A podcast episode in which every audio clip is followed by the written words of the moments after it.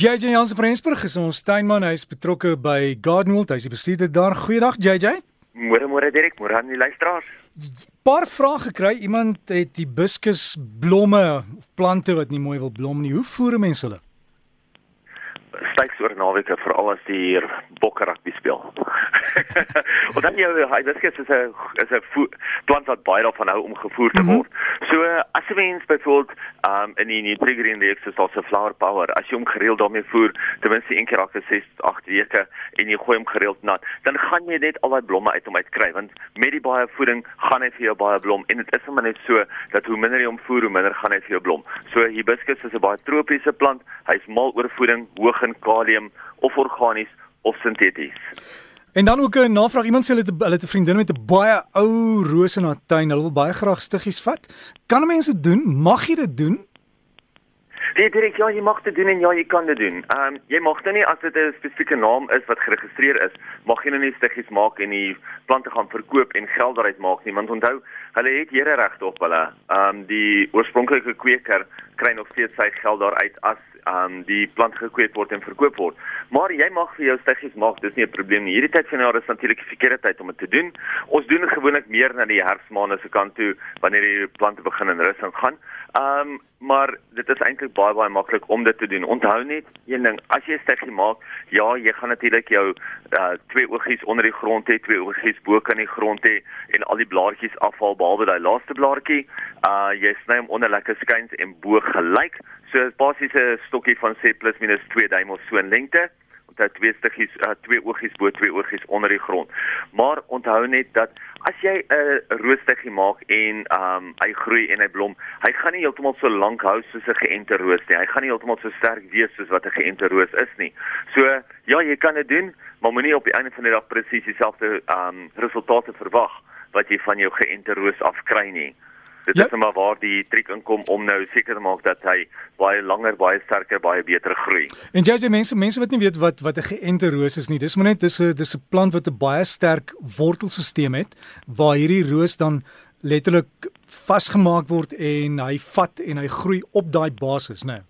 100%. Dis basies 'n wilde roos. Hulle gebruik 'n wilde roos um om as 'n wortelstelsel, want jou wilde roos se wortelstelsel groei baie sterker, baie dieper, het baie minder water nodig en hy hou ook baie langer. So dis presies wat jy daar sê. Jou nuwe roos word basies, hulle vat 'n klein oogie of 'n stokkie en dan enkel hom of hulle okuleer hom basies op die wortelstelsel sodat jou nuwe roos nog steeds al daai krag het, al daai um oorlewingsvermoë het wat jou wilde roos het, maar jy het nou net in jou nuwe roos daarso met die nuwe blomme bo op hom. So dis ook hoekom 'n mens baie keer as jy sien daar's so groei wat op die kant van die wortelstok uitkom, wat 'n baie sagte vinnig groeiende groei is sonder enige blomme, dan moet jy dit vinnig afbreek of afsny sodat dit nie weer sodat die wilde roos nie jou uh, makroos as ek dit so kan stel sal oorneem nie.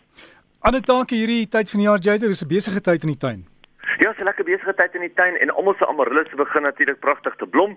Maak seker dat jy jou amaryllis en jou bolplante wat nou begin groei stoot, genoeg water gee. Een van die dae gaan ons ook ons um daglilies in blom hê, so jy kan nou al begin om jou daglilies ook te voer.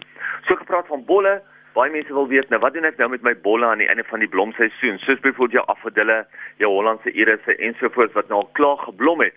En baie van hulle wat jy kan doen is jy kan hulle uit die grond uit lig en jy kan hulle eenvoudig ergens ophang net soos wat jy jou eie sou gehang het, sommer net so in 'n garage of so in 'n koel cool area onder 'n dak ophang sodat hulle wel al daai voedingsstowwe nog steeds kan terugvrek in die bol in dat jy hulle volgende seisoen weer kan plant.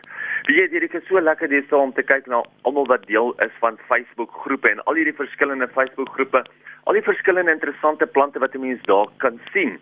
En dit is eintlik wat vir my lekker is, is om te kyk hoeveel versamelaars daar is van spesifieke plante, plante wat jy nie noodwendig by 'n kwekery gaan sien nie.